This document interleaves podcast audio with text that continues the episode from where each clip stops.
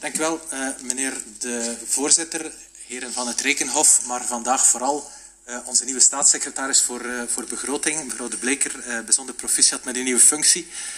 wij wensen u veel, veel succes toe. Het zal nodig zijn, vrees ik, met de cijfers die op ons afkomen. Het is wel een bijzondere dag. Normaal zou dat hier vol camera's hebben gestaan. voor u ongetwijfeld. Maar vooral eigenlijk voor het feit dat hier een volwaardige begroting zou hebben gelegen. Die, die was aangekondigd voor 15 oktober. Um, ik heb er vorige week nog een vraag over gesteld in de plenaire aan, aan premier Ducrot. Die zei, was een naastig aan het werk. Ook minister van Financiën, uw collega, was diezelfde ochtend op de radio. En ik citeer hem, die begroting moet er liggen. We hebben daarover engagementen die we moeten opnemen. Tegen 15 oktober zullen wij onze verplichtingen uh, nakomen. Einde citaat. Uh, was beloofd, uh, maar helaas, helaas is, is, het werk nog niet klaar en zal dat pas eind deze maand zijn. ik begrijp dat eerlijk wel. Het is bijzonder veel werk en het is allemaal zeer snel moeten gaan en dat vraagt wel wat tijd om dat te doen. Maar wat ik niet begrijp is dat er verwachtingen worden gecreëerd, dat er beloftes worden gedaan die niet worden ingelost. Uh, en u bent de regering die zegt dat u het vertrouwen in de politiek wil herstellen. Dan denk ik dat u ook als minister van Begroting daarover mee moet helpen waken. Dat er geen uh, beloftes worden gedaan die niet kunnen worden waargemaakt. Hè. Want er is niks slechter voor het vertrouwen in de politiek dan dat. Uh, bijzonder jammer dat die begroting er nu niet ligt, maar er zal er zijn de 30 oktober. Dus mijn eerste vraag aan, aan mevrouw de staatssecretaris. Het engagement dat op 30 oktober die tekst ook zeker aan het parlement zal worden bezorgd. Uh, zodat wij in het vooruitzicht van de beleidsnota's, die dan een week later zullen worden besproken, uh, ook de cijfertabellen kunnen bekijken. Um, waar staat u voor? Ik denk dat u voor een, een, uh, een boeiende vier jaar staat, een zeer boeiende job, die zeker niet gemakkelijk zal zijn, ook omdat bij de opstart van uw regering ja, men u niet veel houvast heeft gegeven. Ik zal het niet hebben over de nieuwe begroting, gewoon zeer kort. Het enige wat u heeft voor de volgende jaren is dat A4-velletje. Eh, een, een ruw kader met wat cijfers waarover niemand het eens lijkt te zijn. Als je vraagt de fiscale fraude, dan zegt de, premier, ja, we gaan dat op die manier doen en de N-VA heeft gelijk, ongelijk. Eh, maar vraag het aan de minister van Financiën, dan zegt hij, meneer, meneer, N-VA heeft gelijk het is de premier die mis is. En dat komt natuurlijk omdat u eigenlijk bijna niks gekregen hebt als schoolvast. Uh, alleen, dat, alleen dat ene velletje. En zelfs dat is u vandaag nog niet gegund. U moet het nu doen met voorlopige twaalfden die door uw voorganger, uh, voorganger zijn voorbereid. En dat gaat op vele niveaus. Hè. Als je vraagt aan de VLD-voorzitter, uh, moeten er nieuwe belastingen komen? Zegt hij nee. Maar als je kijkt naar het regeerakkoord, dan zegt er ja, ja, er zullen altijd bij elke begrotingsoefening minstens een derde nieuwe belastingen zijn. En als u daar toch eens naar kijkt, ik denk dat het belangrijk is om dat nu te doen, en de laatste zin daarover, de uitdaging waar u voor staat. Ik vroeg aan de minister van Financiën, wat is uw, uw begrotingsdoelstelling? Hij zegt, ja, tekort is voorspeld op 18 miljard in 24. En we zullen dat eigenlijk moeten terugbrengen tot ongeveer 12 miljard. Dus een oefening van 6 miljard. Ruwe cijfers uh, zijn cijfers. Als je dat combineert met de ambities in het regeerakkoord, die zegt, ja, we gaan minstens 4 miljard nieuw beleid. Dus dat betekent dat je 10 miljard moet vinden. 10 miljard om begroting in orde te brengen en nieuw beleid te kunnen realiseren. En daarvan zegt de begroting dus in grote orde, een derde gaan we doen via besparing, 3,5 miljard. Een derde gaan we doen via nieuwe belastingen, dus opnieuw 3,5 miljard ongeveer nieuwe belastingen die er zouden moeten komen met dit regeerakkoord. En een derde zou er moeten komen met diverse bepalingen waarvan wij weten dat dat dikwijls ja, ook, uh, ook belastingen zijn. Maar dus dat geeft u um, ja, dat geeft u weinig houvast en dat geeft u grote uitdagingen. Dat is natuurlijk de discussie die we uh, vandaag niet in de diepte zullen voeren en in de toekomst wel wanneer die cijfers er liggen. Vandaag hebben we het over um, ja, de noodbegroting, de voorlopige twaalfden die er nu zijn. Um, en de vraag die wij ons wat gesteld hebben is van, ja, kunnen wij u niet wat helpen? Kunnen wij u niet wat helpen om u wat extra zekerheden te geven om, om, deze, om de start van deze regering misschien net iets, uh, net iets makkelijker te maken. Want we weten al, die nieuwe ministers hebben allemaal grote verwachtingen en ze willen er voluit invliegen en ze willen dingen doen en, en ze willen medewerkers aanwerven en, en ze moeten die administraties gaan controleren en al die nieuwe functies. En we de vraag stellen, kunnen wij u daar niet een beetje bij helpen? En dat maakt dat wij een aantal amendementen hebben ingediend. Uh, met bijzonder plezier trouwens. Een aantal eerste amendementen gaan over het, uh, het migratiebeleid. Wat hebben we daar gezien? Een zeer voluntaristische staatssecretaris, uw collega meneer Meijdi, die zegt, ja, ik wil erin vliegen en het regeerakkoord zegt dat we vooral op die terugkeer zullen moeten werken. Dat er, dat als we de geloofwaardigheid willen herstellen, dat we meer mensen die afgewezen zijn in procedure, dat we die zullen moeten kunnen verwijderen. er is een interview geweest in de Standaard met zijn partijvoorzitter, meneer Koens. En de Standaard vroeg er wel wat door en zei van ja, het is toch juist dat eigenlijk het succes van uh, meneer Mehdi zal afgeweten worden aan het feit of hij die terugkeercijfers opgekrikt krijgt. En, uh, en meneer Koens zei ja, dat is eigenlijk wel juist. Hè. Maar wat zijn daar de feiten? Um, het budget voor terugkeer is dit jaar enorm gedaald. Enorm gedaald. Waar heeft uh, mevrouw De Blok, voorganger van meneer Mehdi, op ingezet? Vooral op asielopvang. Hè.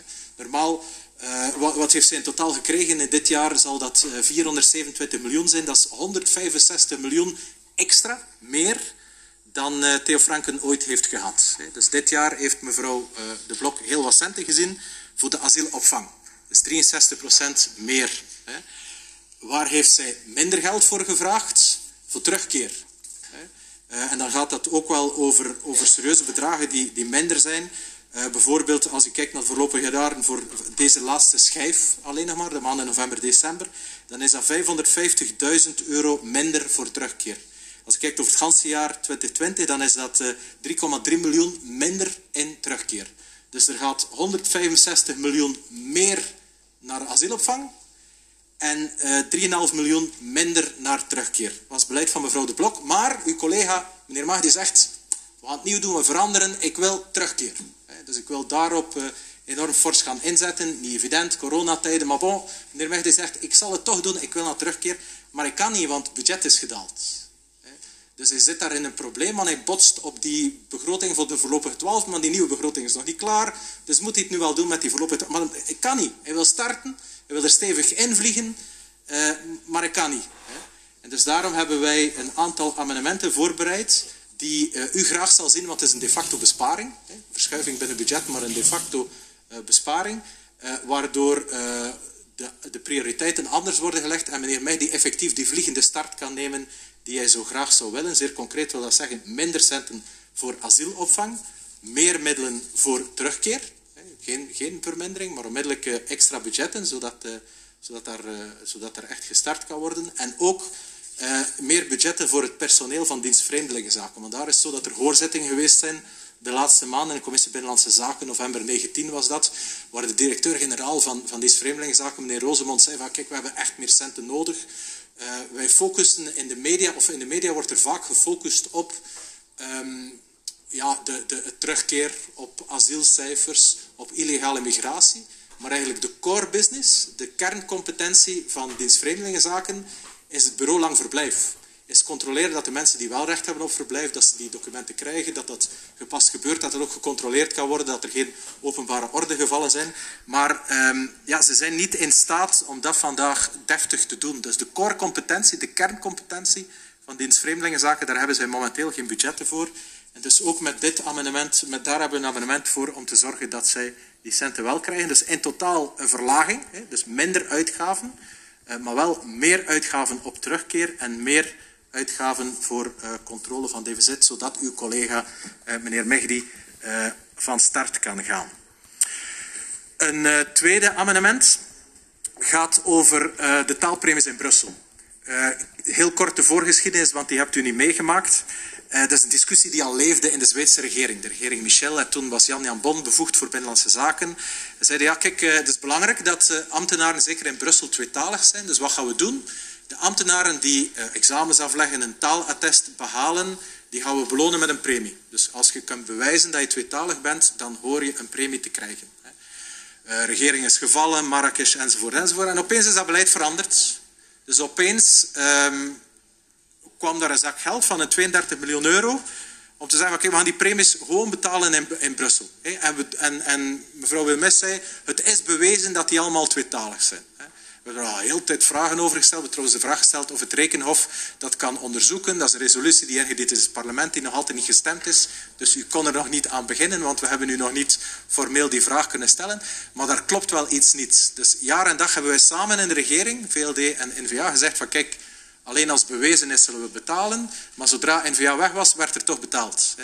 En dat is niet, eh, niet, helemaal, niet helemaal juist. Komt er bovenop dat hier volgens, volgens mij, volgens onze factuele fout en uw, oh, eigenlijk in de begroting van collega Val, maar die u nu geërfd hebt, is gesloten. Als u kijkt naar bladzijde 152, dan staat daar een daling van min 6. Um, terwijl in de tabellen op bladzijde 786 die min 6 een plus 59 is geworden. Dus daar, daar uh, wordt in de toelichting gedaan alsof we erop gaan besparen. Maar als je kijkt naar de cijfers, dan wordt er extra geld uitgegeven. Dus daar lijkt uh, factueel iets niet mee te kloppen. Maar bon, is een amendement om daar orde op zaken te stellen, om ervoor te zorgen dat mensen die bewijzen dat ze tweetalig zijn, uh, dat ze ook effectief die premie kunnen krijgen. En wie dat niet kan bewijzen, natuurlijk niet. En dan een laatste punt uh, waar ik nog even op wil stilstaan. Uh, wat we niet vertaald hebben in, uh, in een amendement, omdat de voorlopige twaalfden eigenlijk bijzonder interessant zijn op dat vlak. En dat gaat over de kabinetskredieten.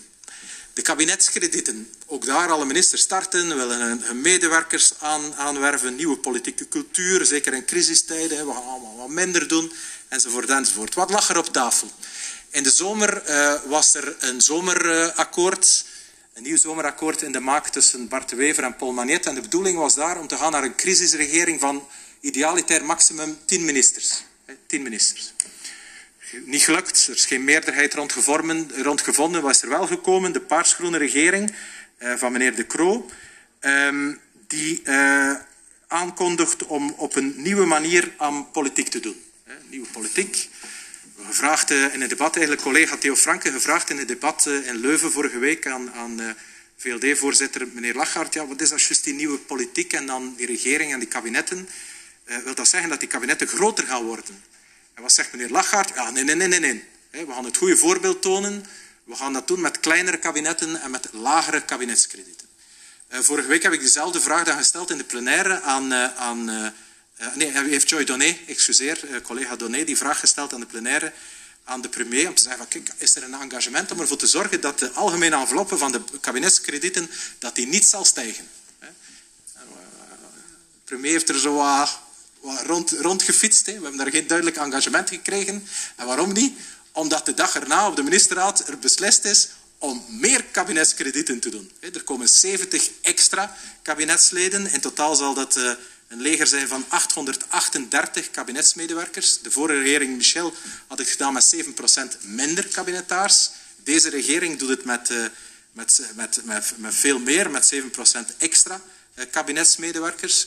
In totaal komen er 20 vicepremiers, ministers en staatssecretarissen. Schril contrast met wat er in de zomer op tafel lag, die idealitair 10 ministers en geen staatssecretaris. Dus nu hebben we er, nu hebben we er 20. Dus wat terug naar de voorlopige twaalfden. Um, 20 vicepremiers, ministers, staatssecretaris, 838 medewerkers beslist op het regeerakkoord. Ja, die moet natuurlijk betaald worden. En die starten niet op 1 januari. Het is niet zo dat de nieuwe begroting daar alleen voor van toepassing zal zijn. Ze zullen, veronderstel ik, ook graag betaald worden in de maanden oktober, eh, november en december. En op basis van wat zullen zij betaald kunnen worden? Ja, van wat er staat in, in de voorlopige twaalfde. Uh, die een machtiging heeft aan u om bepaalde middelen op een bepaalde manier te gaan financieren. En dat is natuurlijk interessant. Hè? Waarom? Omdat die, uh, die, die voorlopige twaalfde begroting eigenlijk ge, ge, geaxeerd is op hoe de regering Wilmis was samengesteld. Hè? En dat was een regering van dertien ministers. Hè? Met een budget dus voor dertien ministers en dertien kabinetten. En dat is wat er staat in deze voorlopige twaalf. Een budget voor 13 ministers en 13 kabinetten. En daarmee zal u nu, voor de maanden oktober, november en december, geen 13 kabinetten moeten betalen, maar 20. 20 kabinetten moeten betalen. Wat natuurlijk wel een bijzondere interessante vaststelling is. Eh, als je kijkt naar eh, eh, wat er gevraagd wordt voor, deze vierde schijf, alle kabinetten samen, dan zit je ongeveer aan 8,5 miljoen voor deze laatste schijf terwijl dat anders rond de 12 tot 16 miljoen zit. Dus ik hoop dat het eh, positivisme en het idealisme dat in uw regeringsploeg zit, er ook zit bij de medewerkers, eh, want het ziet er naar uit dat ze wat minder gaan verdienen eh, de eerstkomende maanden van deze regering, of dat er misschien wat minder mensen aangeworven zullen moeten worden deze eerste maanden van de regering. En ik sluit daarmee op, ik denk dat daarmee af, ik denk dat dat, dat, dat misschien de eerste uitdaging wordt voor u kop of munt. kop of munt samen met de premier om te zeggen wie het slechte nieuws zal brengen. Wie het slechte nieuws zal brengen als ik hier lees aan mevrouw Verlinden dat het kabinet Binnenlandse Zaken minder centen vraagt, aan meneer Mehdi, migratie, dat hij ook uh, zijn kabinet minder zal kunnen vullen. De Donder ook, mevrouw De Donder, defensie, financiën. Oh, ik heb het lijstje hier staan, dus er zijn een aantal onaangename telefoontjes, onaangename telefoontjes te doen. Maar ik wens u toe veel geluk bij Kop of Munt. Ik ben er zeker van dat, uh, dat de premier die telefoontjes graag uh, voor zijn rekening zal nemen. Dank je wel.